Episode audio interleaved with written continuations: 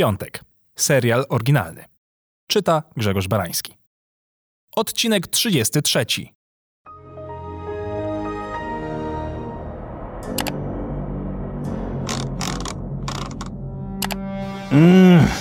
Ale pierdziawa. Uch, mm, jaki masralnik.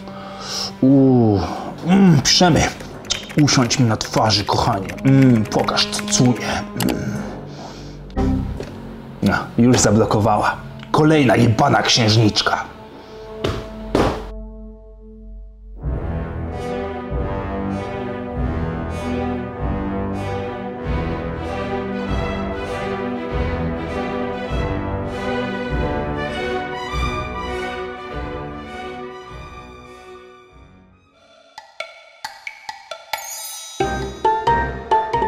Uważa, że hejt pojawił się dopiero z nastaniem internetu, zasługuje na miano klasycznego dzbana. Jak świat długi i szeroki, a ludzkość stara, tak jebanie ludzi publicznie albo za ich plecami było wszędzie i zawsze. Tylko, że kiedyś po prostu robiono to w innym stylu. Bo ostatnimi laty nawet tak piękna sztuka, jaką jest hejt, strasznie skarłowaciała, podupadła i zeszła na dno. A szkoda, bo być profesjonalnym hejterem to nie lada wyzwanie.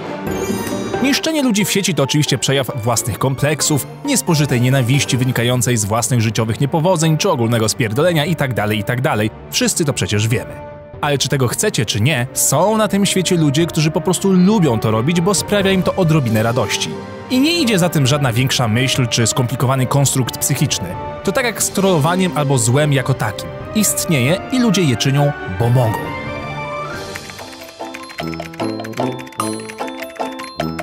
I tak było od zawsze. Jednakże kiedyś to było, kurwa. Pamiętam jak moja babcia potrafiła w naturalny sposób po prostu nie zmiażdżyć kilkoma słowami czy sugestiami. Była w tym prawdziwą mistrzynią. Wyjebany. Wyjebać. Tłusto dupy. Mm. Tego nie znałem. Generalnie szczerość dzisiaj często mylona jest z hejtem. Wymierające pokolenie naszych dziadków natomiast potrafiło rzucać prawdziwym złotem. Wnuczek, ty to masz takie trochę piersi jak u kobiety. Może ty powinieneś staniki nosić. Oczy to ty masz po mamie i po mnie, a resztę masz po ojcu niestety. No ale trudno. Będziesz kiedyś bogaty, to, to sobie zrobisz operację. No piękne te twoje zdjęcia, wnusiu, piękne. Tylko wiesz, taka rada, nie powinieneś się tak uśmiechać, bo widać, jakie masz te krzywe zęby, no. No brzydki jesteś po prostu. Ale wnuczek, strasznie się ulałeś od ostatniego czasu, jak cię widziałam, wiesz? I Ta twoja dziewczyna też jest bardzo gruba. Musicie schudnąć oboje, bo to brzydko wygląda. To jest nieestetyczne, jak się na was patrzy. Wnuczek, ja przepraszam, że taka wścibska jestem, ale ja widzę, że ty nosisz różowe koszule i tak chciałam zapytać po prostu, jak, jako babcia, czy ty jesteś tym, jak, jak oni to teraz mówią, tym gejuszkiem, tym LGBT, tak? Jak to się tam mówi? W sensie ciebie y, podnieca widok innego siusiaczka, tak? No rozumiem. Dobrze. Ja się już mogę kłaść do grobu w takim razie. My, Polacy, tak mamy, kochamy szkalować. To nasza narodowa spuścizna, mentalność, żeby przerzucić gnój widłami za płot sąsiada, bo skoro u nas jebie gównem, to żeby u niego też śmierdziało. Jedni wolą obrażać papieża, bo wtedy inni mają ból dupy, inni z kolei wolą wylewać swoją nienawiść na pudelkowych celebrytów, których nigdy na żywo nie spotkali, ale uważają, że mogą być ich sędziami od ciała i życiowych wyborów. Takich sapaczy lubię najbardziej, to tacy ludzie, którzy wręcz udają przejęcie czy patologiczną troskę o kogoś z Instagrama. Przodują w tym niestety kobiety, które z uwielbieniem wpisują swoje tak zwane dobre rady. Najlepiej w temacie urody, której same nie posiadają, albo w temacie macierzyństwa, bo przecież posiadanie jednego dziecka czyni z ciebie licencjonowanego pedagoga. I to kurwa umoralnianie. No, pani Anno, ale pani to chyba nie przystoi takich zdjęć wrzucać. Co by powiedział Robert po meczu? Od samego mówienia o tym dostaje małego wylewu.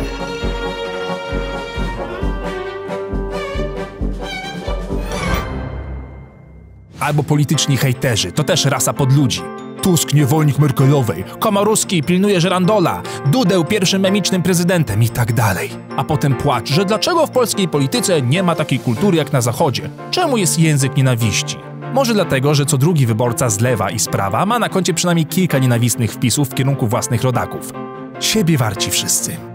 Dlatego został nam już tylko klasyczny, sebiksowy hejt, który przelewa się strumieniami przez portale czy komentarze na YouTubie.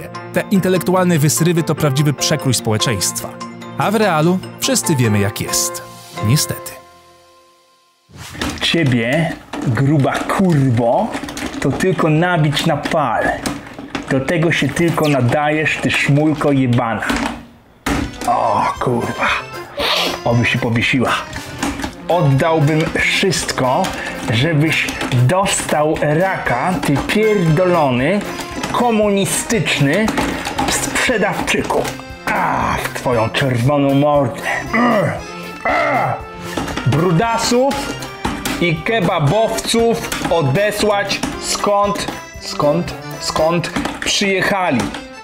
Albo zagazować. Nie ma innego wyjścia. I będzie bordo na wykopie jak chuj. Powieś się, ty mały pedałku. Ale morda, ty paszczurze. Pokasowe szmato. Mam nadzieję, że pokażę. Jesteś ulanym debilem, Ansub. Bo nie wytrzymam zaraz! Coś zrobił z tą maszynką! Na pizdę twoją, ty kurwa baranie ty! Już idę, tata.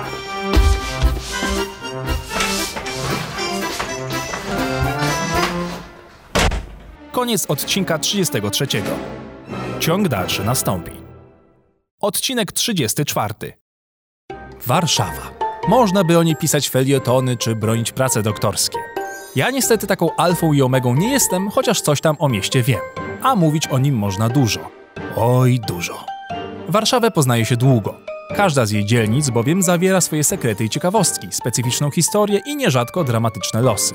I tak sobie pomyślałem, że dziś wam nieco o tych dzielnicach opowiem, ale bez wojenno-powstańczego patosu czy historycznych wywodów. Tak po ludzku, dla słoja, bo przecież każdy z nas nim jest.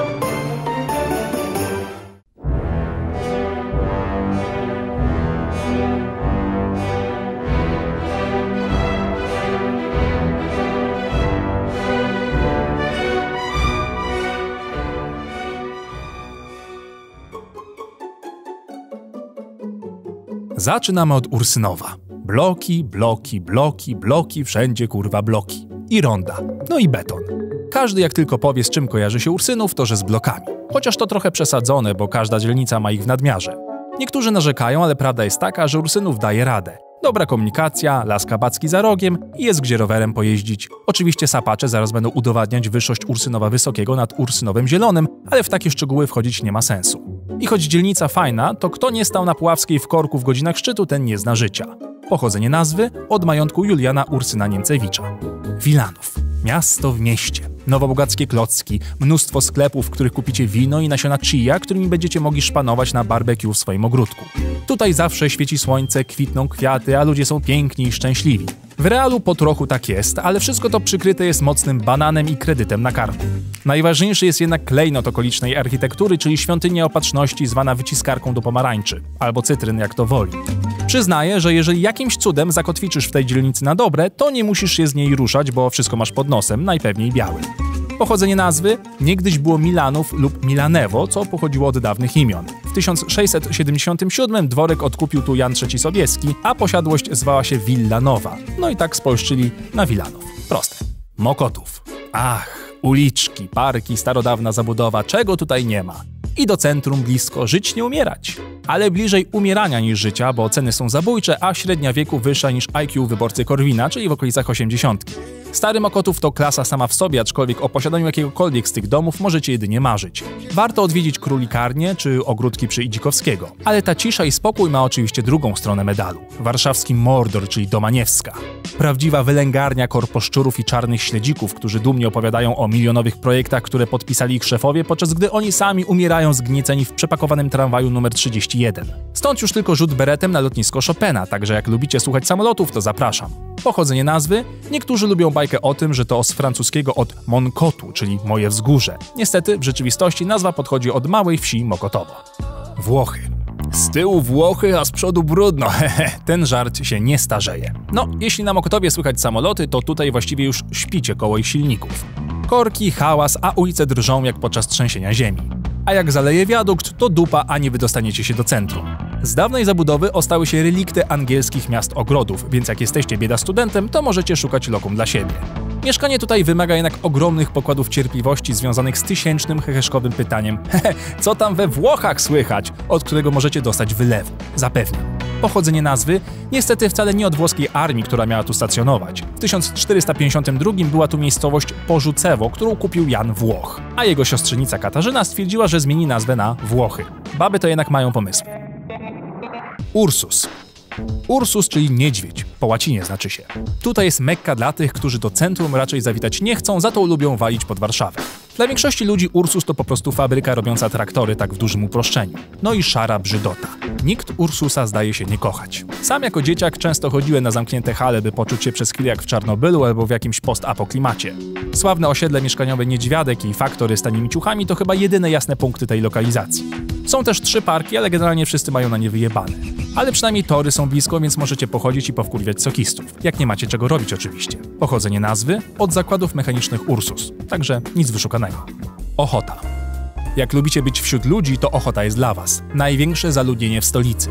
Jak staniecie na Grujeckiej albo Żwirki i Wigury, to będziecie sobie pluć w brodę, że nie kupiliście tej elektrycznej hulajnogi. Na Ochocie jest wszystko. Od starych budynków z lat 60. przez urokliwe wille, aż na starych kamienicach kończąc. No i jest Park Szczęśliwicki i Pole Mokotowskie, które wbrew nazwie w dużej części leży właśnie na Ochocie.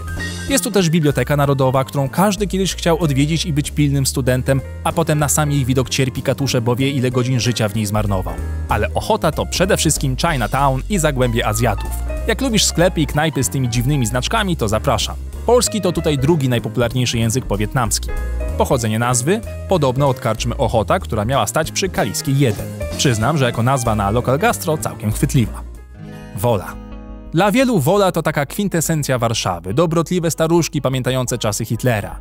Niektórzy jarają się tym mieszczańskim klimatem, głównie dlatego, że jest tu w chuj budynków z PRL-u, więc jest co wynajmować za nieduży hajs. Mamy tu Muzeum Powstania Warszawskiego, w którym podbudujemy swój patriotyzm, targ staroci na kole, na którym kupimy praktycznie wszystko, no i oczywiście biobazar, na którym trzeba pojawić się z lnianą torbą, by wybrać dżem z bio-eko-jagód za 30 zł.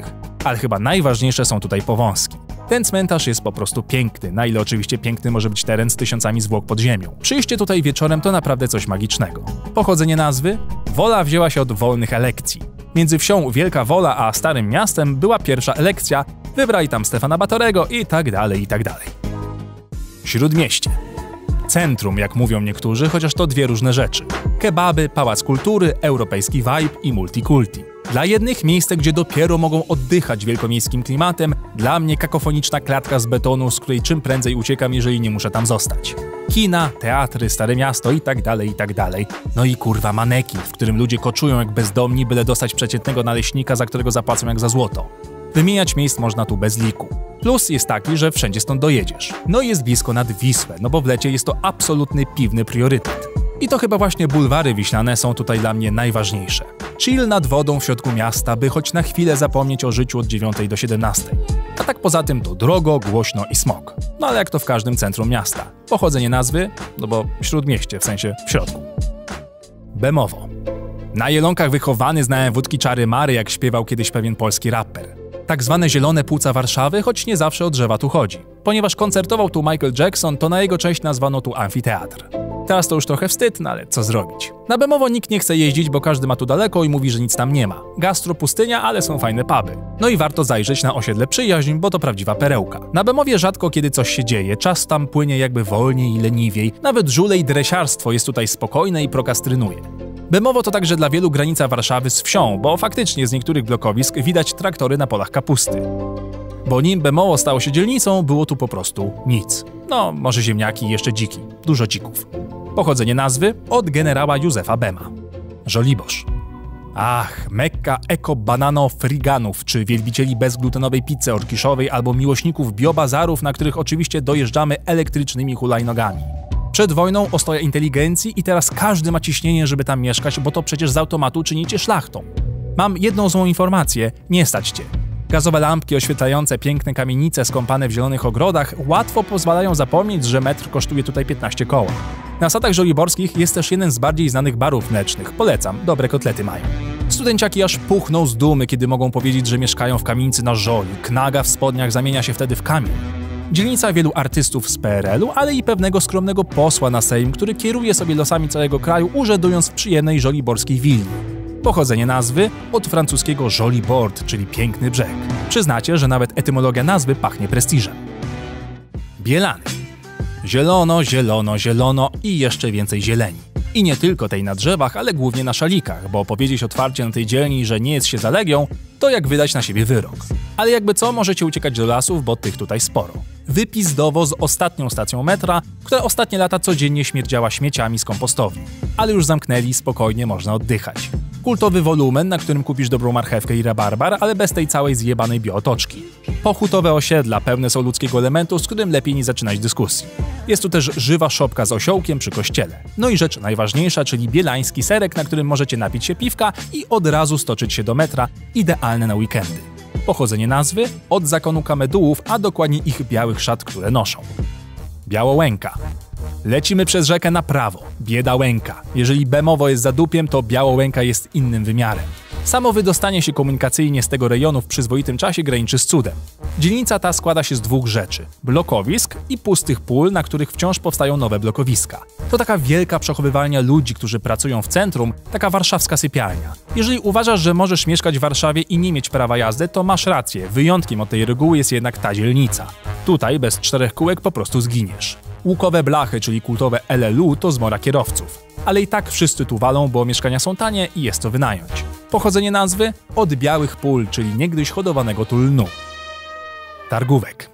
Przemysłowo i cmentarzowo. Szczególnie to drugie, bo w okresie listopadowym cmentarz Brudnowski przypomina oblężenie Gondoru. A jeśli jeszcze żyjesz i twoi bliscy nie leżą na cmentarzu, to może właśnie nad tym pracujesz, bo na targówku jest najwięcej sklepów monopolowych w całym mieście. Prócz fabryk i obrzydliwie szarych blokowisk, nic specjalnie ciekawego tutaj nie ma. Targówek fabryczny to raczej ciekawostka dla fanatyków historii i klimatów PRL-u. Jest tu jednak jeszcze jedna atrakcja warta uwagi. Kolejny cmentarz. Nie byle jednak jaki, bo cmentarz choleryczny to jedna z najciężej dostępnych nekropolii w Warszawie. Także jak serio nie masz co robić, to zapraszam. Targówek to taki cykl życia: dom w bloku, praca w fabryce, a potem na cmentarz. Pochodzenie nazwy od XV-wiecznej miejscowości Targowe Małe i od majątku targowskich.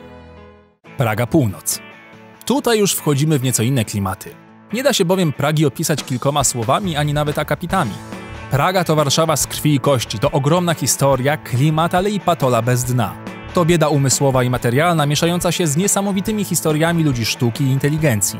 Pragi nie można się nauczyć i się do niej dostać, można się na niej tylko urodzić.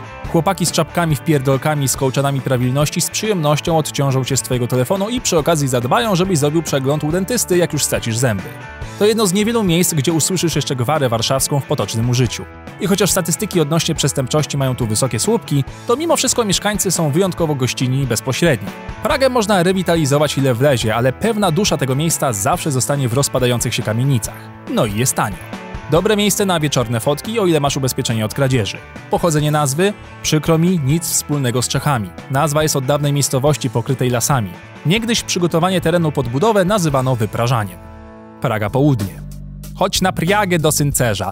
To ta niby lepsza i milsza Praga. Butiki, sklepiki i biznesiki prowadzone przez te same rodziny od 150 lat to tutaj fakt.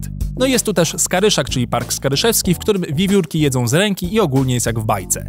Pętla na Gocławiu zabiera i odstawia menażowników z centrum, ale ci z zasobniejszymi portfelami walą od razu na Saską Kępę, która jest jak małe miasteczko w mieście. Stare wille, prestiżowe knajpy wymieszane z kebabami i klimat pompatyczności i elitaryzmu podobnie jak na Żoli. No i oczywiście prawa strona Wisły, czyli piasek. Batalia, który brzeg lepszy na piwko trwa od lat. Ale tylko tutaj, patrząc na centrum miasta i zwolna sunące po rzece barki, rozpalisz ognisko i legalnie napijesz się drineczka z widokiem na most. Klimacik jest. Kiedyś był tu też stadion dziesięciolecia, ale to już łabędzi śpiew dawnych złotych lat polskiego piractwa. Teraz stoi narodowy i nocami faluje światłem, które trafia na tysiące instastories każdego dnia. Rembertów i Wesoła. Rembertów i Wesoła opisuje zbiorczo, bo szkoda waszego czasu. I tak każdy powie wam, że to już nie jest Warszawa. Mówi się, że mieszkają tam smoki i pradawne bestie, ale nikt nigdy tego nie potwierdził, bo nikomu się nie chce tam jechać. Każdy mieszkaniec tych dzielnic, o ile w ogóle kiedyś jakiegoś spotkacie, będzie się dwoił i troił, żeby tylko udowodnić, że mieszka w ważnej warszawskiej dzielnicy. Możecie od razu go wyśmiać i zaprosić na piwo, jak już przestanie płakać. Ale może właśnie dlatego, że nikt do tego miejsca nie jeździ, to Wesołej mają najlepsze powietrze i najdłuższą średnią życia. Generalnie, jeżeli macie już dom Wesołej, to i tak gówno was obchodzi, co myślą o was inni, bo jesteście już ustawieni. Pochodzenie nazwy? Bardzo ambitne. Rembertów od jakiejś wsi, ale nie ma pewności, bo pewnie nikomu nie chciało się sprawdzać. A Wesoła od miasteczka o tej samej nazwie. Się podczepili pod Warszawę i mają. Wawer. Na koniec kraina wyklętych w kredytach zaklętych. Jak cię nie stać na mieszkanie, to od tego jest Wawer. Zakupy robisz u Grażynki, a nie w jakimś tam centrum handlowym. W kominku opalasz oponami, bo i tak nikt nie przyjedzie sprawdzić. A jak chcesz kupić prosciutto albo figi, to już możesz ładować się do pociągu, bo czeka cię wycieczka. Powietrze wali tu węglem, a mieszkańcy wyglądają jak jakieś plemię, które pilnuje wjazdu do swojej wioski.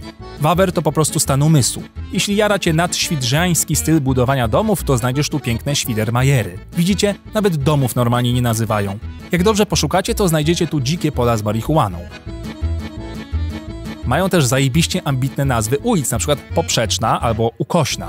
Wawer możecie odwiedzić z ciekawości, żeby zobaczyć jak żyje się na innej planecie i od razu się stamtąd zabrać. Jak ktoś wam powie, że mieszka na Wawrze, to najpewniej jest już wypalonym zawodowo 40-latkiem, który dorobił się segmentu i udaje, że jest szczęśliwą skorupą człowieka.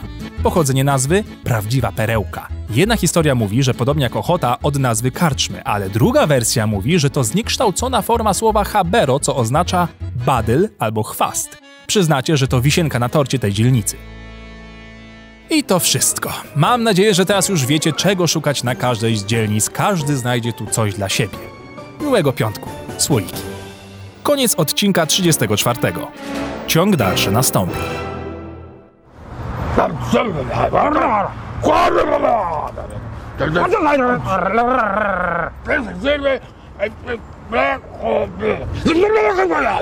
Нам доска кулиса халивга домата. Та-та-та-та-та. Каррити. Харрдата. Коні харрдата. Бете карртатара. Наханата. Харрара. Каррака ка ка ка ка ка. Харраника. Korra harja, harra,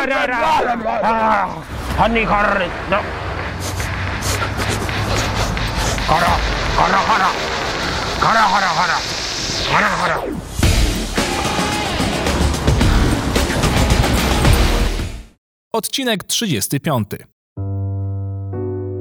Nie wiem, czy wiecie, ale jako dziecko byłem leworęczny. To znaczy, cały czas jestem, ale w końcu wypracowałem praworęczność na poziomie zbliżonym do lewej ręki.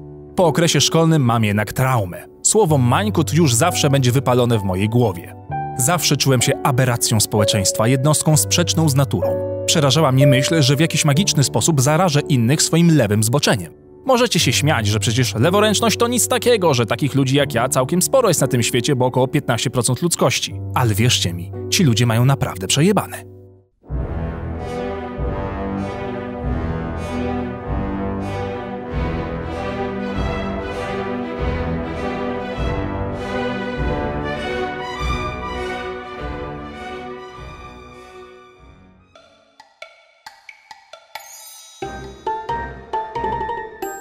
Wyobraźcie sobie, że każde rozstawienie sztućców na stole to już dla waszego mózgu potencjalny problem i spina dubska dla waszej duszy. Ale to dopiero początek. Praca przy komputerze? Praworęczni dobrze wiedzą, jak to jest operować drugą ręką podczas przeglądania pewnych stron, bo operacyjna ręka trzyma nieco inny joystick. Tylko, że leworęcznym takie uczucie towarzyszy za każdym razem, jak siadają do nieswojej myszki. Klawiatura numeryczna? Oczywiście po prawej. Chcecie zrobić wyklejankę z dzieckiem albo coś otworzyć? Sorry, nożyczki często mają uchwyty dostosowane do prawej ręki. Ale to i tak dopiero czubek góry lodowej tego leworęcznego przegrywu. Bo oto zakładasz sobie człowieku marynarkę, a tam co? Wewnętrzna kieszeń po lewej stronie, żeby łatwiej było prawą sięgać. Nawet niektóre korkociągi są dla praworęcznych, czaicie? Mańkutom trudniej się napić. Paranoja. Nie mówię już nawet o pisaniu piórem wiecznym, które kończy się całą dłonią w atramencie. Kuchenki gazowe z włącznikami po prawej stronie. Ale i nawet sama architektura. Bo mieszkania często buduje się tak, że pokój, który w zamyśle ma być pracownią, ma okno umiejscowione specjalnie dla biurka osoby praworęcznej. Nawet architekci potrafią wyruchać leworęcznego. Już nawet nie mówię o salach wykładowych i podstawkach pod rękę z prawej strony. Laptopy, otwieracze do konserw, stanowiska w urzędach, lampki stołowe wszystko zrobione tak, żeby łatwiej było robić prawą ręką. Dobrze, że przynajmniej w toaletach sraj taśmę montuje się w miarę wybiórczo, także mamy jakiś tam sprawiedliwy parytet podczas wodowania ubota. Dobre i to. Ale w samochodzie skrzynia biegów już tylko dla prawilnych praworęcznych, a na egzaminie na prawko łuk przy cofaniu też oczywiście w prawo. Nawet zabić kogoś jest ciężej, bo część broni palnej i białej jest robiona pod prawą dłoń. Tak samo instrumenty muzyczne. Żeby sobie lepiej to zobrazować, wyobraźcie sobie, że po 30 latach prowadzenia auta w Polsce jedziecie tirem do Anglii. No, łatwo nie będzie, zapewniam. Ruch lewostronny to dla wielu rzecz nie do przejścia. Zawdzięczamy to podobno Francuzom, inni twierdzą, że samemu Bonaparte, a w Japonii odpowiedzialne są za to właśnie samurajów. Co kraj to historia, ale problem ten sam. Mimo takiej unifikacji różnych rzeczy na świecie, akurat kurwa jazdy po ulicy nie możemy mieć wszędzie takiej samej. Ale to wciąż nie koniec. Chcecie mieć fajny kubek z nadrukiem? Sorry, ale nikt nie zobaczy logosa podczas picia oprócz ciebie. Żal.pl O zegarkach nawet nie wspominam. Z większych hardkorów mamy jeszcze konstrukcję maszyn do szycia, aparaty fotograficzne czy nawet układ menu w bankomacie. A podczas gry wstępnej nawet stanika nie otworzysz jedną ręką, o ile oczywiście wyjdziesz z przegrywu. I tak do grobowej deski zmagać się trzeba ze wszystkim. Żeby było ciekawiej, największy odsetek ludzi z leworęcznością, bo aż 20%, występuje u Eskimosów i Żydów. Moja teoria, najpewniej słuszna, bo ja się znam, jest taka, że ci pierwsi odmnażają sobie prawą dłoń podczas sikania, więc potem używają lewej. Z kolei drudzy prawą rękę mają po prostu zbyt zajętą obsługiwaniem kasy fiskalnej.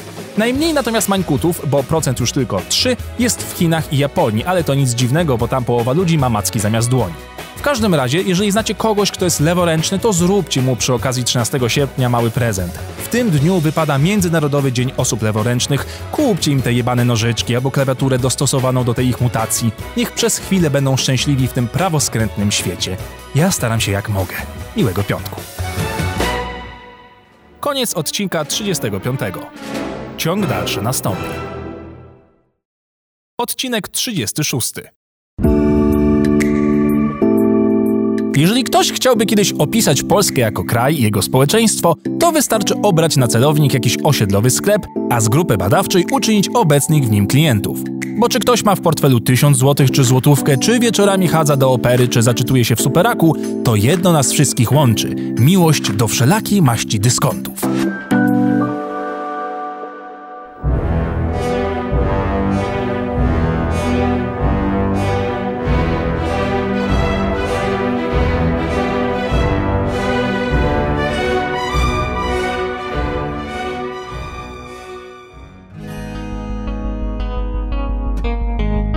Stan umysłu, zawsze lubię to powtarzać, ale nawet tutaj toczymy ze sobą wojenki jako ludzie, bo nakręcani przez korpo wojny mimowolnie bierzemy w nich udział. Który sklep lepszy? Gdzie lepsza promka? Gdzie grasini lepiej smakuje, a gdzie owsianka dla mężczyzn ma stewie zamiast cukru? Jebane wyścigi promocji to nasze narodowe zawody.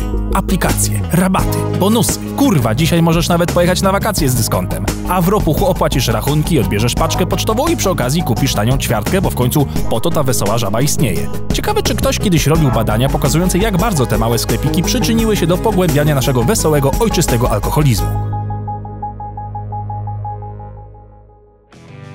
Poszynkę to tylko do kerfa, bo jednak mięska mają lepsze. W Lidlasie unikam parówek, ale tydzień włoski lubię, a do stonki chodzę po dobre wina za 15 zł i tortillę pszeniczną. I się tym kurwa jaram. Upajam się tą swoją znajomością dyskontowych realiów, niczym mistrz gry, znający swoje ukochane uniwersum na wylot. Jak ostatnio rzucili klapki Kubota za dwie dyszki, to przy okazji zakupów od razu wziąłem pieluchy, bo tak byłem zesrany ze szczęścia.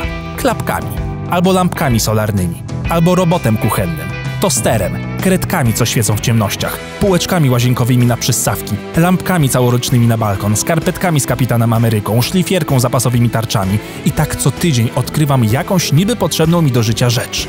Jak zombie tracę minuty życia patrząc na te oczojebne promki i okazje. Tylko dziś, tylko teraz. Te procenty ucięte jak na pletek konsumpcjonizmu. I kupuję, kupuję, kupuję.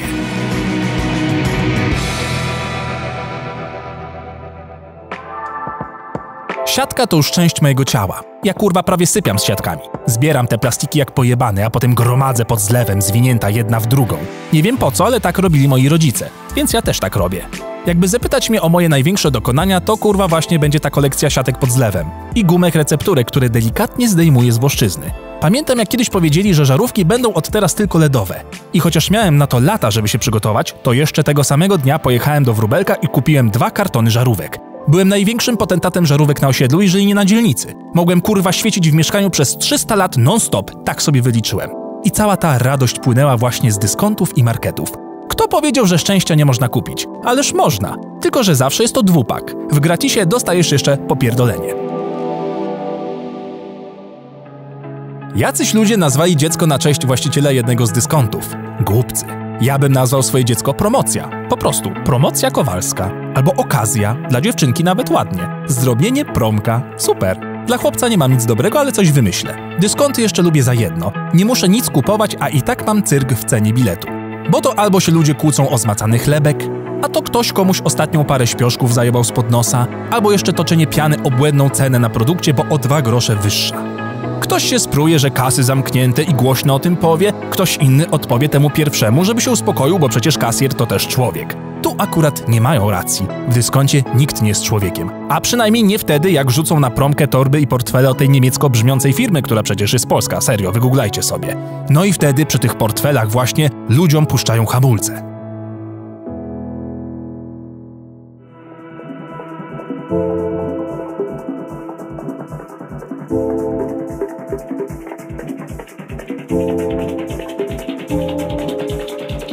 Podobna dehumanizacja jednostek była w nowożytnej historii obecna tylko dwa razy. Podczas II wojny światowej i kiedy na hale wjeżdżają akwaria z żywym karpiem na święta. Jakby kurwa dawali dzidy i łuki do tego, to przecież ludzie by zaraz wrócili do budowania osad. Że też jeszcze nikt dyskontu nie nazwał biskupin, przecież to aż się prosi.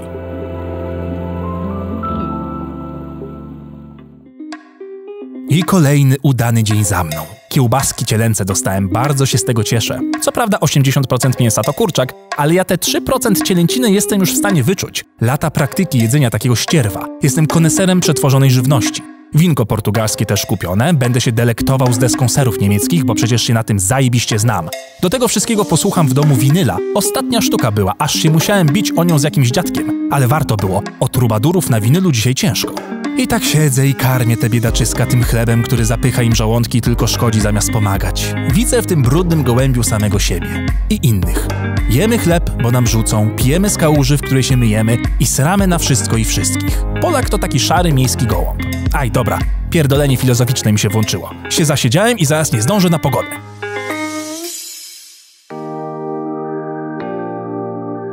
I nie będę wiedział, czy ma padać, czy nie. A to ważne. Nie wiem czemu, ale rodzice zawsze oglądali pogodę, więc to musi być ważne. Ja też oglądam, bo to ważne. Miłego piątku. Koniec odcinka 36. Ciąg dalszy nastąpi. Odcinek 37. Jeżeli dzień zaczyna się leniwie, spokojnie, jakby wręcz sielankowo i wiesz, że nie musisz dzisiaj nic i nic cię nie czeka, żadna praca nie pomęczy mailami, żadnych towarzyskich stosunków do spełnienia, to już dobrze wiesz, że wszechświat przygotował dla ciebie niespodziankę. Już podświadomie wiesz, że coś się musi dziś spierdolić. Choćby najprostsza rzecz, jak przykładowo próba doręczenia do ciebie paczki przez specjalistów w transporcie zwanych kurierami, czy też piekielnymi ogarami Chronosa. Bowiem przewidzieć, kiedy kurier postanowi dostarczyć paczkę jest jebaną ruletką z losem.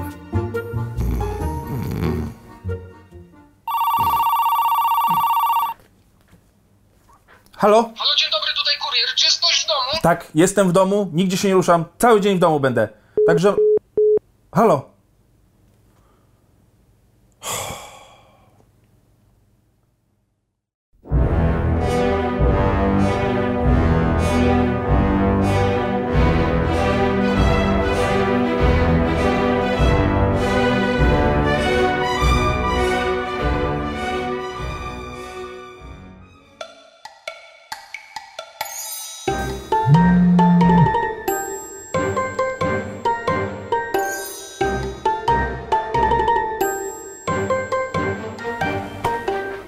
Jebany chuj. I tak jest zawsze. czego bym kurwa nie zamówił. Czy kredek kolorowych kurierem na następny dzień, czy podróbek Adidasów z AliExpress, które przypłyną barką za 3 miesiące. Nie ma różnicy. Kurier zawsze będzie stał na straży spierdolenia mi dnia. Nie mówiąc już o tym, że korzystają chyba z tuneli czasoprzestrzennych, bo dla nich 10 minut to niekiedy godzina, a próba doręczenia o godzinie 15 realizowana jest o 19. Albo w drugą stronę. Wypaczony Hermes zapuka ci do drzwi, kiedy ty jeszcze całujesz w snach swoją nierealną miłość i budzisz się w szoku i ze stulejką w ręku. Kurier wykorzysta każdy chwyt i możliwość, żeby mnie zaskoczyć. Są przebiegłymi bestiami, które znają wszystkie najlepsze triki. Oto kilka z nich. Pierwszy to tak zwany kurierski szósty zmysł, taka ich specjalna moc, że wyczuwają najbardziej niekomfortową sytuację dla was i właśnie wtedy decydują się wykonać atak na wasze drzwi.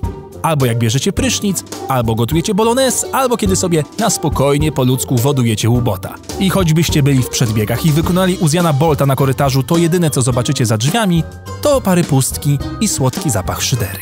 Inny sposób to wykonanie połączenia o długości ułamka sygnału. Obstawiam, że mają specjalne telefony albo aplikacje służące do tego, by wykonać ultra szybkie połączenie, które od razu się rozłącza, żeby tylko mieć alibi, że dzwonili, ale nikt nie odbierał. Kurier potrafi być szkarłatnym sprinterem, jeżeli może wam zjebać dzień, wierzcie mi. I oczywiście metoda klasyczna na tak zwanego lenia. Byle zostawić paczkę u byle kogo i mieć na was wyjebane. Więc albo paczkę znajdujesz u sąsiada, z którym nie zamieniłeś przez ostatnie 5 lat nawet słowa, ale kurier zakłada, że codziennie razem palicie gibody na balkonie, albo paczka ląduje na ochronie, czyli w jaskini emerytów w przepoconych dresowych bluzach, którzy całe dnie wpatrują się w monitory, waląc smakowe małpki, myśląc, że od nich nie czuć. Tak czy inaczej, twoja paczka trafia tam, gdzie nie powinna. I nawet jak już człowiek odbierze tą swoją własność, za którą przecież zapłacił naiwnie przez internet, to i tak zalewa mnie potok myśli, że znowu dałem się wkręcić w te trybiki absurdu. Że te wąsate chuje w czapkach z daszkiem, jakby codziennie w baseball grali, zaraz znów pojawią się u moich drzwi i usłyszę klasyczne teksty w stylu. No czemu pan telefonu nie odbiera? No dzwonię i dzwonię do pana, no co nie umie pan telefonu obsłużyć? Proszę bardzo. Pan się tak nie mądrzy, dobrze? Bo następnym razem jak przyniosę panu paczkę, to mi kilka razy spadnie ze schodów. Rozumiemy się? Proszę. Ups. Proszę pana za pobranie 120 zł. O nie, nie, nie, nie, nie, ale nie, tylko gotówka. Ja nie mam terminalu, zepsuty jest. Nie ma pan. No to trudno, to będzie w punkcie odbioru. Do widzenia. Dzień dobry, pan zejdzie ze mną po tą paczkę do samochodu, bo ja miałem żylaki ostatnio operowane, nie mogę dźwigać. Pan pójdzie. Podpis poproszę, tylko wyraźnie. No mówiłem wyraźnie, no co to jest za pismo? No pan porażenie mózgowe ma. Chryste. No taka trochę rozjebana ta paczka, ale taką wziąłem z magazynu, proszę bardzo. Ale pan tego nie otwiera przy mnie, ja nie mam czasu, do widzenia. Proszę pana, piąta rano, piąta wieczór, co ja sprecyzowałem w SMS-ie, o której będę? Niech się pan cieszy, że ja w ogóle jestem. Jezus Maria, dojechać tutaj do pana i trafić to jest po prostu masakra. No już w większym labiryncie nie mógł pan sobie mieszkania kupić, co? Jak na pana patrzę, tak z jak minotaur, to może faktycznie, proszę. Ja nie rozumiem już co ty każesz, no ja my co w dupi, no. Tak to już niestety zbudowany jest ten nasz świat, że jak już chcemy mieć te 30-centymetrowe dildosy dostarczone pod drzwi, to człowiek musi się czasami złamać, bo inaczej to kurier złamie nas. Koniec odcinka 37. Ciąg dalszy nastąpi. Odcinek 38. Zawsze jak mam w życiu do podjęcia jakąś przełomową decyzję, która ma odmienić to, jaki jestem, albo jak samego siebie postrzegam, takiego wiecie, game changera, to się strasznie tym denerwuję. I pocę jak szczur. No ale to pewnie dlatego, że jestem gruby. W każdym razie postanowiłem sobie dziś dodać plus 10 do męskości i zrobić sobie dziarę, w sensie tatuaż. Nie mój pierwszy, ale przed każdą wizytą i tak mam stresa. Czy nie będę żałować? Bo z dziarami tak jest. Albo duma do końca życia, albo wstyd i laser.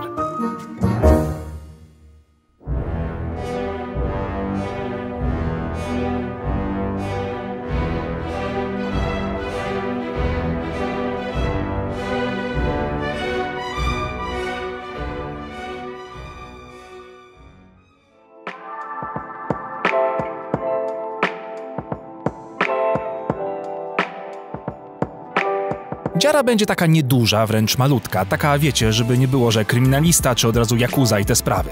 No i żeby tata nie zobaczył, że kolejna się pojawiła. Przy dziadkach to i tak już chodzę tylko w długich koszulach, żeby nie dodawać stresu. Przy pierwszej babcia prawie dostała wylewu, a dziadek przyniósł denaturat i waciki, żeby zmywać. No ale nie zeszło.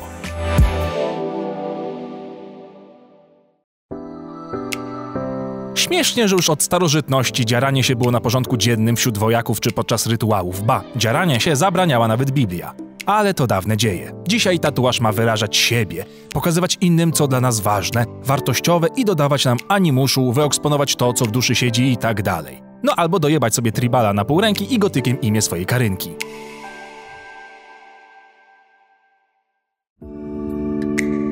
Beka z chujowych dziar to chyba jedna z moich ulubionych memicznych kategorii. Wizerunek powstańca w Warszawie, za którym w tle jawi się Pałac Kultury, to po prostu czyste złoto. W ogóle symbolika patriotyczna dziarana na własnej dupie jest wyższym stanem umysłu. Nie żeby wektorowe zwierzątka były szczytem moich umysłowych aspiracji, no ale wolę jak ktoś mnie pyta o te kolorowe zwierzątka, niż dlaczego mam husarię na plecach.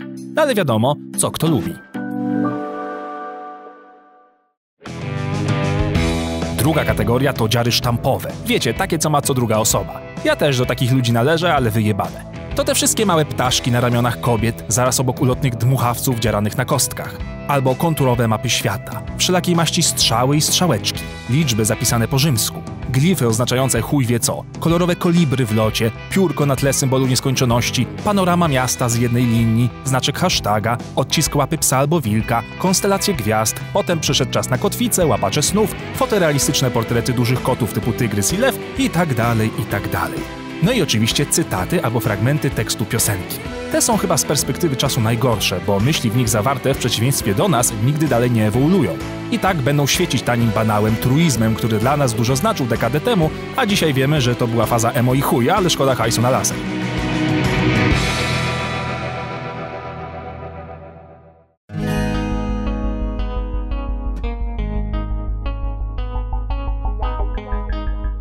Pamiętam jak jeszcze 20 lat temu ktoś wydzierany to był albo mega buntownik, albo kryminalista.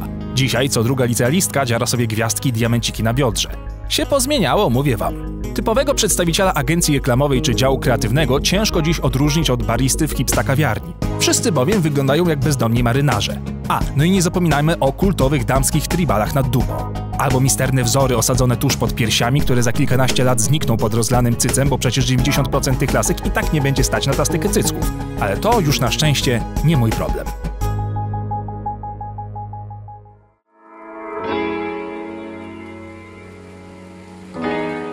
To po co właściwie się dziaram, zapytacie? W sumie nie wiem. Żeby mieć coś na sobie, żeby coś nosić, żeby ludzie mieli chociażby powód do small talku, bo tatuaż to zawsze dobry starter do rozmowy. Zawsze mnie bawią te teksty przeciwników atramentu, którzy raczą nas ironicznym tekstem Wiesz, dla mnie ciało to świątynia, albo swoje Porsche też byś oblepił naklejkami?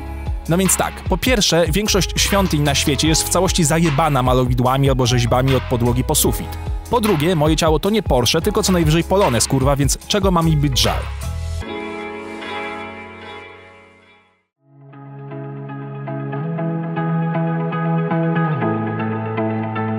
Ja rozumiem, że można być purystą w jakimś temacie, ale czemu zawsze najgłośniej krzyczą ludzie, którzy chcą za wszelką cenę wjebać się w sprawy twojego ciała? Czy związane z seksem, czy choćby z rodzeniem dzieci? Odbierdolda się ode mnie, moich tatuaży i ode mnie. Jak będę chciał, to se zrobię przysłowiowego chuja na czole ku uciesze mojej, mojego przyszłego pracodawcy i oczywiście własnego ojca. Bo dziara na ryju to święta trójca spierdolenia sobie życia. Ty, szef i twój ojciec.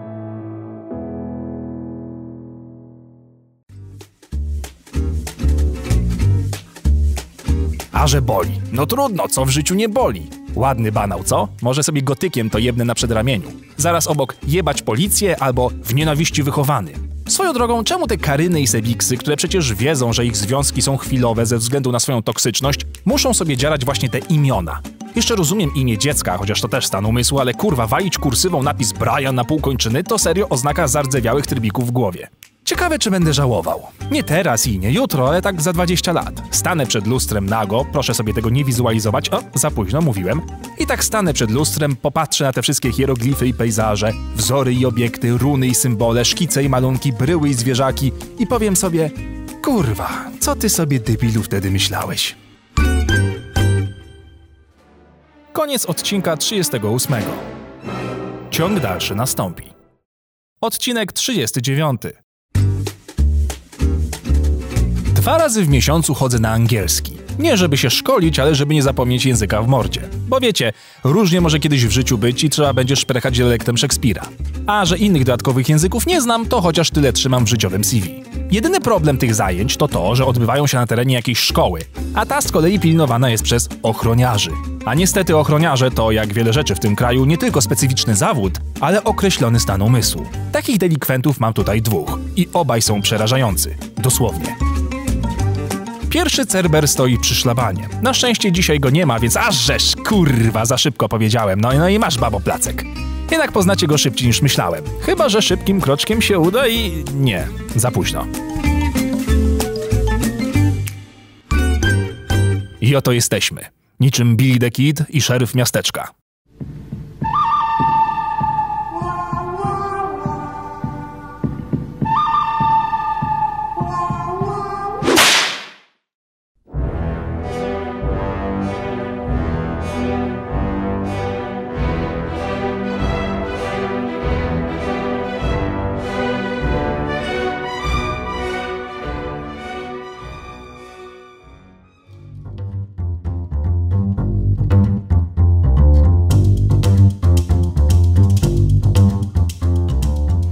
Dobry. Dla kogo dobry? Dlatego dobry. Do kogo pan idzie? Y, Na, na, na zajęcia z angielskiego. Nie pytałem na co, tylko do kogo. Kurwa, i od razu stres i zapominam nazwiska. Klasyk.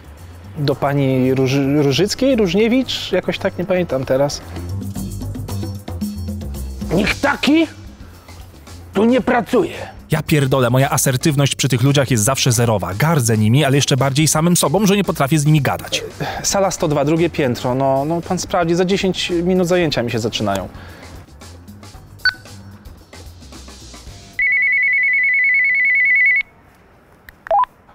Słuchaj, mam tutaj takiego grubasa. Wszędzie się szwenda. Mówi, że idzie na zajęcia z angielskiego do jakiejś różowej. Sala 102. Kojarzysz temat? Czekaj, bo na tronie siedzę, kurwa. Y, Tak, y, Różowic, zgadza się, to są te zajęcia e, tych bananów, kurwa. A już kojarzę leszczy. Dobra, dzięki. Bez odbioru.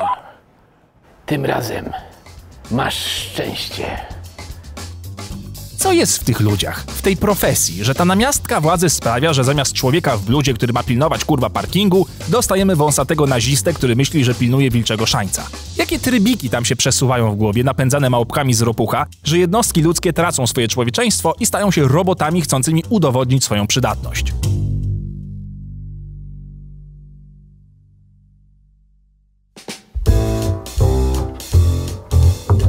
Dwa zapachy. Pot i smakowa wódka. Oto definicja.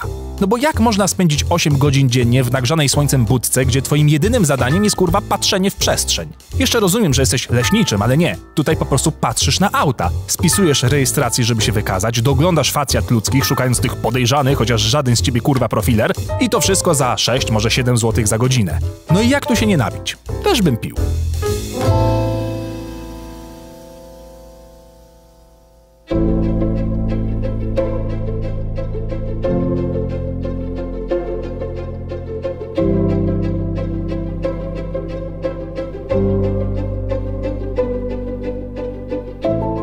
Właśnie, ten zapach, o którym mówiłem. Jestem kurwa jak pies wyczuwający społeczne patologie. Straszne. I drepczę po tych schodach jak na skazanie, bo wiem, że na górze czeka mnie jeszcze gorszy przeciwnik, czyli kolega tego pachołka z dołu.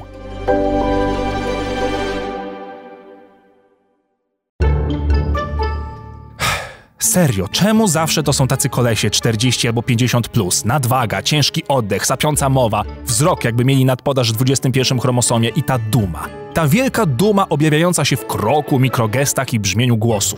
Że czują się panami, że jakby od nich zależało wszystko. Że są jak policja, wojsko, straż pożarna i pogotowie w jednym, a jak trzeba to i kurwa topr. Ale jak faktycznie trzeba pomóc, to potrafią tylko zadzwonić z telefonu i to też ledwo, bo syn kupił nowy i jeszcze nie zna ikonek. I takim ludziom się powierza ogólne bezpieczeństwo budynków. Albo i siebie. Dobra, rozumiem, przyjąłem, dziękuję. Stop, stop, stop. A pan gdzie idziesz? Na lekcję angielskiego kolega z dołu dzwonił chyba, tak? Proszę pana, dzwoni to się na telefon. Na przykład do kurierów. My jesteśmy ochrona. My dysponujemy inną technologią komunikacji, a są to krótkofalówki. I nawet z tego jest dumny, że bardziej ogarnia sprzęt sprzed paru dekad niż ten nowy. No spoko. Okej, to mogę iść do sali? Dowód tożsamości poproszę. Słucham? Dowód tożsamości poproszę. I to są chwile, w których pękam, bo można mnie traktować jak robaka, ale kiedy trzeba, to swoje prawa znam. I oddawać ich nie zamierzam, bo granice, choć u mnie daleko posunięte, to jednak są. Mogę panu pokazać chuja.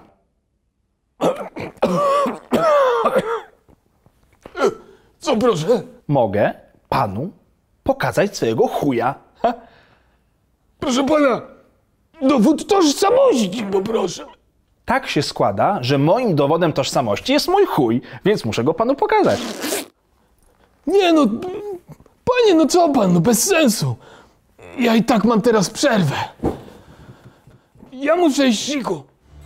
I czasami tylko to działa. Zgaszenie, magia absurdu, postawienie wszystkiego na kartę chaosu, wyciągnięcie nie asa, ale jokera z rękawa, zagranie debila i wariata.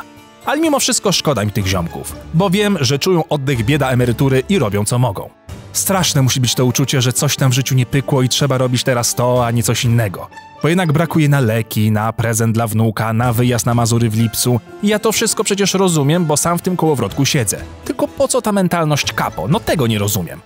Ale trudno. I tacy ludzie w ekosystemie Homo sapiens są potrzebni. Dlatego, chociaż mnie dupa i głowa od nich boli, to toleruję. Bo przecież mnie też ktoś gdzieś tam toleruje, a nie musi.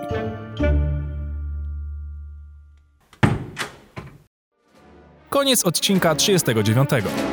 Ciąg dalszy nastąpi. O, przepraszam. Stasiu, zmienisz mnie przy głównej bramie, bo muszę się wysrać. No kurwa, drugi raz dzisiaj, no co ty jadłeś? Kebaba.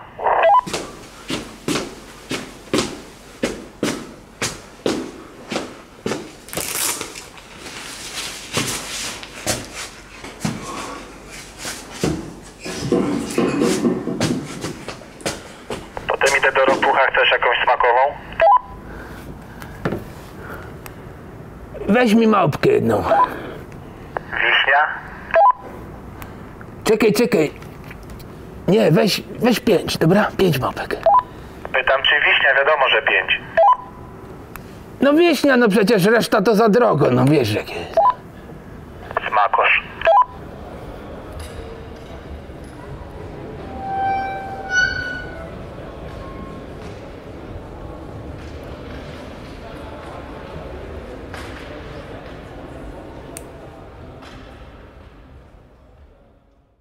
Odcinek 40.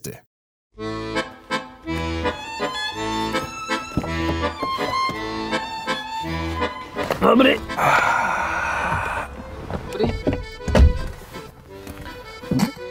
Do domu. Gdzie dokładnie? Powiedziałbym panu, że do przedpokoju, ale że ten żart ma z tysiąc lat. Proszę, poproszę na lazurową 6. Tylko mi tam pan nie narzygaj! Da? Postaram się, ale nie obiecuję. Ileż to już razy kierowcy wszelakiej maści ratowali mi życie po zbyt srogim melanżu. Ile razy odstawiali mnie pod sam dom jak zepsuty towar, który musi sam wnieść się do magazynu. I te pijackie, zgonujące modlitwy, żeby tylko nie zrobił nas w chuja, nie przejechał mostu cztery razy albo nie nabił trzeciej taryfy. Tak źle myślimy i podejrzewamy w myślach, a przecież to najczęściej uczciwi ludzie, którzy chcą dla nas dobrze. Chociaż oczywiście są na tym świecie taksówkarze i tak zwane złotówy.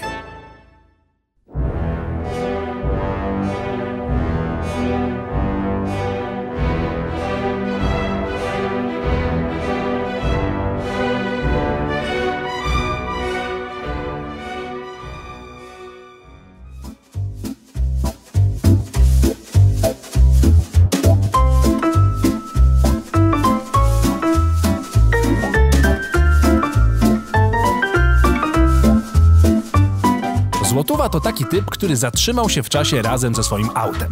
Wozi nas szrotem z Niemiec, najpewniej zespawanym z trzech innych powypadkowych polonezów Karo i upomina nas o zapięcie pasów, mimo że z własnej poduszki powietrznej 10 lat temu zrobił siatkę na zakupy. Ma zawsze krzaczastego wąsa, w samochodzie jebie starą tapicerą jego potem, ma skórzaną kamizelkę, choćby było plus 40 czy minus 40 i często wożą jakieś zjebane maskotki, ale wypchane zwierzaki Bóg jeden wie po co. To ten typ, z którym nigdy nie będziemy się nudzić i będziemy rozmawiać nawet jeżeli nie mamy na to ochoty. To rasowy przykład z dowcipu o taksówkarzach, przy którym wystarczy powiedzieć Rozkradli nam kraj, złodzieje! A Janusz z wąsem tak się strygeruje, że nawet taksomatu nie włączy. Proszę pana, pasy to jest podstawa, samo jak klin z rana. Ten pies to tej mordy chyba tam nie zamknie. Dobra, spadamy stąd. Proszę pana, chyba z panem już kiedyś jechałem, prawda? Opowiadałem panu, jak to yy, w rządzie są wszędzie Żydzi, proszę pana. to niech pan pozwoli, że ja panu teraz opowiem, co się w Brukseli dzieje, proszę pana. Przy tym to syjoniści to jest kurwa nic. Dobra, tylko wyprzedzimy go. Tam kurwa, bo blokuje mi tutaj widzę. Szerokości kolego, dziękuję bardzo. Proszę pana, chuj podporządkowana. Yy, proszę pana, yy, Merkelowa, reptylianin. Proszę pana, Putin, reptylianin. Proszę pana, Tusk, reptylianin i... Żyd. Dobrze pan zgadł. Wszędzie kurwa Żydy. Kto to tak posadził? Proszę pana, dla mnie ludzie to się dzielą na kilka kategorii, ja panu powiem. Pierwsza to są ludzie cudowni. Wie pan, tacy jak, jak papież Polak na przykład. Potem są, proszę pana, y, ludzie dobrzy, jak Jarosław na przykład, prawda? Potem są ludzie normalni, tacy jak ja i pan, prawda? Y, Potem są ludzie z, z, źli, prawda, z gruntu rzeczy, czyli na przykład złodzieje, proszę pana, mulda, uwaga. Y, Potem są ludzie okropni, prawda, czyli na przykład, y, no nie wiem, mordercy dzieci, prawda, okropni ludzie. Y, No i potem po tych wszystkich są jeszcze te kurwy z Ubera, proszę pana. To jest najgorszy sort skurwysyństwa, panu powiem. Najgorszy. Ale że oni tego fiskala nie mają, proszę pana, to codziennie wieczorem przez to ja się muszę napić po prostu. Taka gula mi tutaj kurwa rośnie. Po prostu nie mogę. Pamięta pan, jak w 2003 zablokowaliśmy pół miasta? Stało kurwa pół Warszawy. No i oni wtedy, wtedy też chcieli tego fiskala nam y, założyć. No i założyli. No i jest, trudno. Tylko mi chodzi o to, proszę pana, uwaga mulda. Pik, pik. Proszę pana, mi chodzi o to, że jak już jebać, to wszystkich porówno. I im też tego fiskala trzeba wpierdolić. Czemu tylko ja mam być? Znaczy wie pan, wały i tak się robi, no bo Polska we krwi, wiadomo. Ale jebać wszystkich porówno. Taka jest moja y, życiowa filozofia i tego się trzymam. Jebać wszystkich porówno. Podatkami i pałami. Kurwa, tak. No ale tacy ludzie to po prostu stan umysłu. Niemniejsze zjebanie prezentuje z kolei już osławiona sekta tirowców, którzy obrośli na swoich forach już jakąś pojebaną misyjnością. Do memicznej legendy przejdzie już kultowy tekst. Tato, nie wyjeżdżaj. Muszę, synku. Przecież pani w szkole powiedziała, że kierowcy ciężarówki to brudasy i że ten zawód nie jest nikomu potrzebny. Muszę właśnie po to, żeby ta pani mogła sobie kupić rano świeże bułki, wędliny i tym podobne. Mu, synku, mu! Czapeczka z daszkiem, wesołe chorągiewki nad szybą i ośmioletnie choinki zapachowe, które podobno wciąż dają aromat. Z całym szacunkiem i jakimś tam zrozumieniem dla tego zawodu, nie, nie wiem jak to jest siedzieć po 12 godzin za kółkiem i zapierdalać trasą wiodząc jogurty i banany, ale są zawody, które są cięższe i gorzej opłacane. Są też zawody zdecydowanie bardziej niebezpieczne. Bardzo lubię też słuchać narracji niektórych tirowych zbawicieli, którzy swoim zawodem tłumaczą wszystko co dobre i złe w swoim życiu. Młody, pamiętaj, ja twoją matkę to kocham jak nikogo innego. Ale wiesz, dorośniesz, zobaczysz. Jest trasa, jest życie, jest przygoda, nie? No i wiesz jak jest, tam, tam jest las, są ssaki leśne. Mężczyzna ma potrzebę. Widzi leśnego ssaka i co ma zrobić? Nie może sobie ulżyć, musi mieć coś od życia. No wiesz, ja i tak twoją matkę kocham najbardziej. Moją miłość to ja trzymam dla niej. Ale facet, no to jest facet. Czasem musi sobie na trasie przybolcować. Proszę pana, ja pana zapewniam, że nikt tak nie cierpi i nie zrobił tyle dla tego kraju, co my. Gdyby nie my, ten kraj stanąłby kurwa w miejscu, jak rażony prądem. Ja mam tę moc, kurwa, jak śpiewała moja córka. Słuchaj, no, Pojedziesz sobie 9 godzin przez granicę. We Wigilię. Jak wiesz, że rodzina czeka. No nie przekręcisz licznika. Stracisz czas na kibel? Na stacji benzynowej? Jak chce ci się szczać? Czy osuszysz szczura na własnym kole? Takie wybory to mamy tylko my. No i może górnicy jeszcze. No i oczywiście zostają legendarne rozmówki przez CB Radio, które brzmią jak meksykański slang. Jakby nie można było normalnie z ludźmi na trasie porozmawiać, tylko trzeba wymyślać słówka, metafory, zmieniać znaczenie i wprowadzać elitaryzm w czymś tak zwyczajnym jak kurwa rozmowa przez radio. Bo jak nie umiesz grypsować za kółkiem, to jesteś niedzielny kierowca i chuj ci w dupę. Mobilki? Jak dróżka z Kielc w stronę Warszawy? Kolego, ogólnie czysto, tylko na 506 w Skarżysku stały misiaki z suszarką. Dzięki kolego. Szerokości. Dzięki kolego przyczepności. Ale to i tak light. Najlepsi są tacy, co mówią w tym slangu bieglej niż we własnym języku. Koleżko? Jak trasa na Wielkochuje?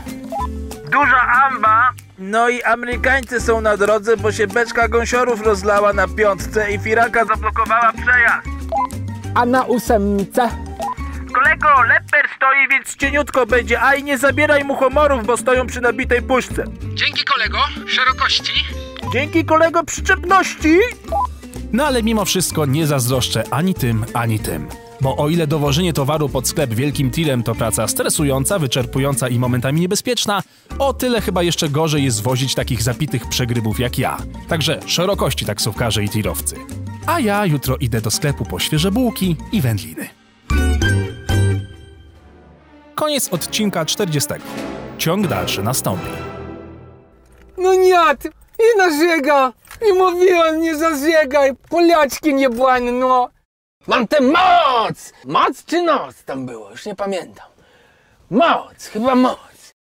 Odcinek 41. Czasami los tak chce, że kiedy nic nas nie trapi, jest wesoły słoneczny dzień, słuchasz sobie dobrej nuty, idziesz wesołym krokiem do sklepu, żeby kupić sobie whisky i skończyć ten dzień dobrze, to cały wszechświat w ukryciu robi wszystko, by ci ten dzień spierdolić. A jeśli skumulowało się tego wystarczająco dużo, to może ci spierdolić nie tylko dzień, ale i całe życie.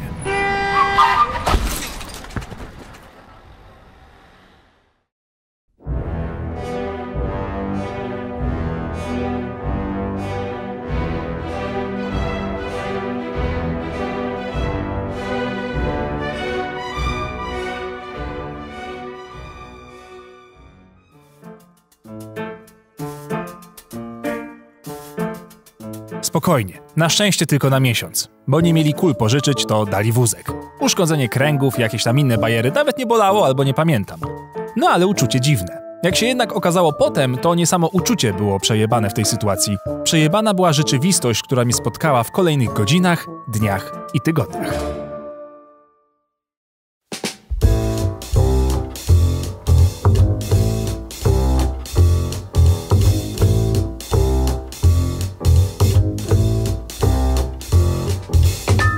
Pierwsze, czego doświadczyłem, będąc mobilnym transformersem, to to, że miasto jest przygotowane dla takich ludzi w 10, może 20%. Generalnie na każdym, o ironii o kroku, spotykałem się z wielkim fakiem pokazanym mi prosto w twarz. Schody, windy, kładki, chodniki, przejścia, tunele, wszędzie porówno przejebane. Dostanie się z punktu A do B przeobraziło się w dostanie z punktu A do Z. Tak człowiek musi się napocić, żeby gdzieś dotrzeć.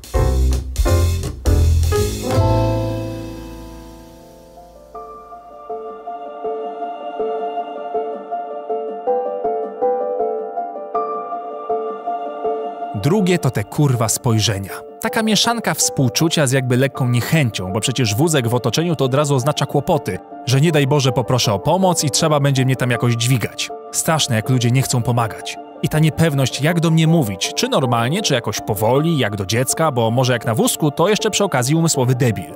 Po pierwszych kilku dniach na mieście czułem się jak człowiek gorszej kategorii. Nie dlatego, że faktycznie nim byłem, bo tak przecież nie jest, ale dlatego, że mnie tak traktowano. Jakby z momentem mojego usadzenia się na zwykłym wózku inwalidzkim gdzieś przepadła część wartości mnie jako człowieka. Tak samo nazewnictwo. Inwalida, kaleka, niepełnosprawny. Już nie jestem gruby, wysoki, uśmiechnięty, wesoły, blondyn czy brunet, nawet kolor oczu tracę. Bo wózek jest taką przeciwwagą, że choćby miał twarz Brada Pita, to i tak najpierw widać moje kółka, a potem całą resztę. O ile oczywiście ktoś nie odwróci wzroku. Smuciło mnie to strasznie, a potem zaczęło wkurwiać niemożebnie. Ale nie dawałem po sobie poznać, bo przecież zrzędliwy albo chamski kaleka to już najgorszy rodzaj towarzystwa.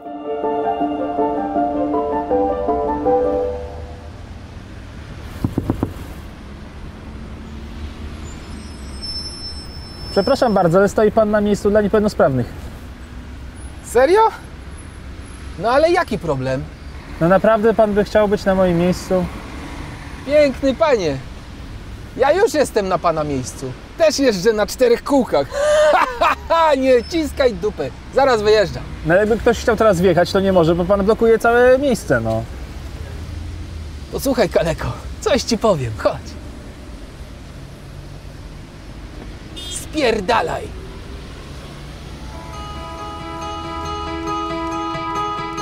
Większość tych dni spędzałem w parkach albo nad Wisłą, jak emeryt. Alienacja od społeczeństwa przyszła sama. Znajomi jakoś przestali dzwonić i obiecywali piwo, jak już tylko się wykuruje. Czyli rozumiem, że jakbym nigdy nie wrócił do zdrowia, to już bym nie miał dalej znajomych. To na chuj mi tacy znajomi. Że w piłkę z nimi nie pogram? Że ze wspólnego biegania przed pracą nici? Przecież nikt z nas i tak tego kurwa nie robił, bo 90% moich znajomych to grubasy i alkoholicy. Więc skąd nagle tysiąc wymówek, żeby mnie tylko nie widzieć? Wstydzą się mnie? Głupio im jak na mnie patrzą, jak idę do kibla i współczują? Żygać mi się chce na samą myśl, że ktoś miałby mi współczuć tego, że muszę iść się odlać na wózku.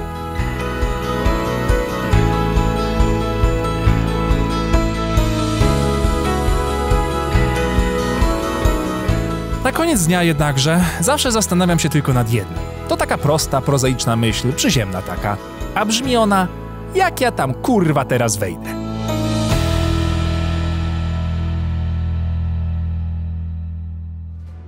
Koniec odcinka 41. Ciąg dalszy nastąpi. Odcinek 42.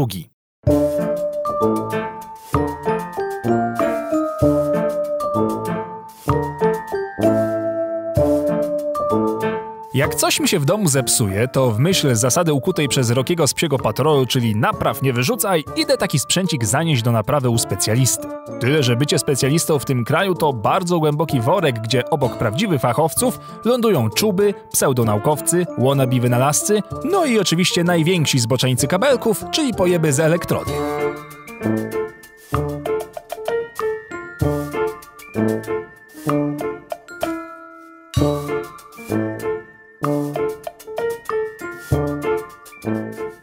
Przepraszam, czy to jest tranzystorowa 5? Dobrze trafiłem? I mam dziwne wrażenie, że dzisiaj trafiłem właśnie na jednego z nich.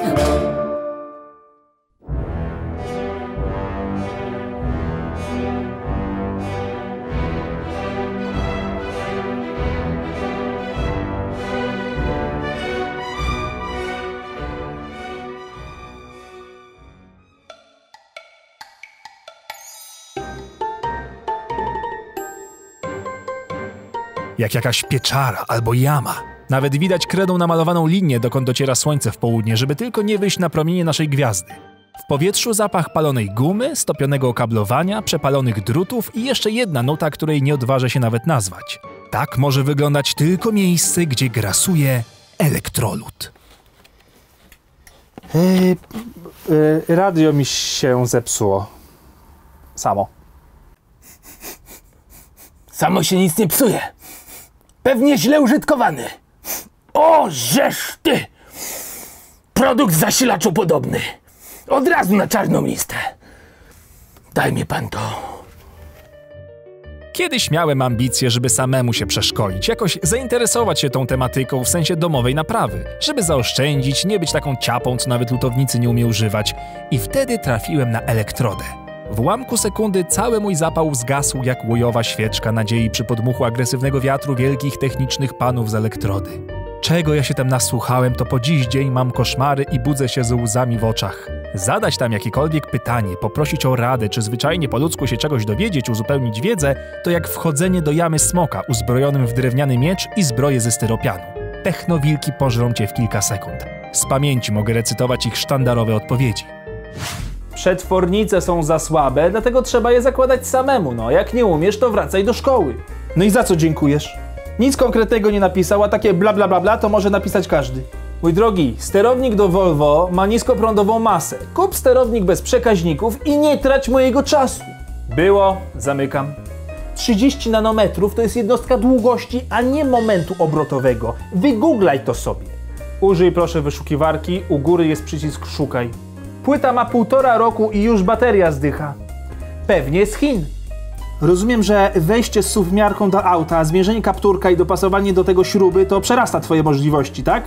Usuń konto. No niestety duplikat usuwamy. Ja ci powiem, że takie lamerunie, które nie potrafią odczytać ciśnienia na magistrali CR, to powinni natychmiast usuwać konto. No skąd się bierze taka amatorka w ogóle? Zły dział braku życia wyszukiwarki. Proszę kropkę na końcu zdania bez spacji stawiać, bo userzy się skarżą, że im ta spacja przeszkadza i wskazują na to liczne raporty. Mój drogi, kupiłeś bubel na Allegro, a teraz marnujesz czas fachowców. Nie wstyd ci po ludzku? Człowieku, to weź miernik i sprawdź. Ile ty masz lat, żeby nie móc sprawdzić, czy bateria ma 3,3 V? 30 dni bez pisania postów na forum. Ostatnie ostrzeżenie, kolego. I kończysz karierę. Elka nie wybacza. Temat wałkowany, osłabia mnie to. Zamykam. No, komputerek chodzi wolno, bo widzę, że kolega dopiero zaczyna raczkować w tym temacie. Mm, mój drogi, czarna lista zasilaczy. Bariery graficzne są zbędne, rozumiesz? No, musisz oszczędzać RAM gdziekolwiek jesteś. Zawsze! RAM! Zła pisownia, nie ten dział. No ty se założył konto, zadał ile? Dwa pytania i tyle go widzieli, tak? Takich ludzi z Elki się powinno natychmiast usuwać. Było milion razy. Skrót od gigabajta i RAMu piszemy zawsze wielką literą. Pierwsze ostrzeżenie. Człowieku, ale najpierw podaj model zasilacza. I tak dalej, można bez końca. Generalnie to miejsce jest rzekomo tylko dla potężnych specjalistów, którzy mają docelowo wymieniać się swoją niesamowitą wiedzą. Szkoda, że w realu to umysłowe piekło, w którym bardziej liczy się poprawna pisownia jednostek, a nie chęć zdobycia wiedzy. Zresztą i takiej tutaj nie znajdziesz, bo od tego jest przycisk szukaj. Więc zamiast pomóc ci, wklejając na przykład linka do danego artykułu, wszyscy będą pisać, że jesteś głupi i żebyś sobie poszukał. A jak nie znajdziesz, to znaczy, że źle szukasz. Tak jak podejrzewałem. Jest rozjebany. Da się naprawić? Naprawić się da, ale pytanie, czy warto takie gówno naprawiać? No na nowy mnie nie stać. E, dobra, naprawię. Ale więcej proszę mi tutaj takiego złomu nie przynosić. Pierwsze ostrzeżenie. Już nawet świat forum z realnym mu się myli straszne. Najgorsze to mieć takiego ojca. Przychodzisz z jakimś problemem, bo na przykład nie działa zabawka i słyszysz, że temat był już wałkowany i żebyś sobie wygooglał. Pojebane.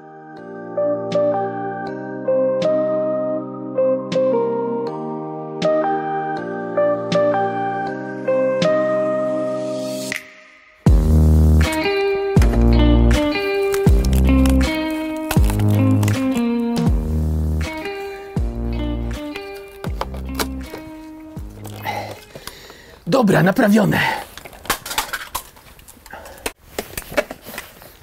Yy, no dobra, to ile się należy?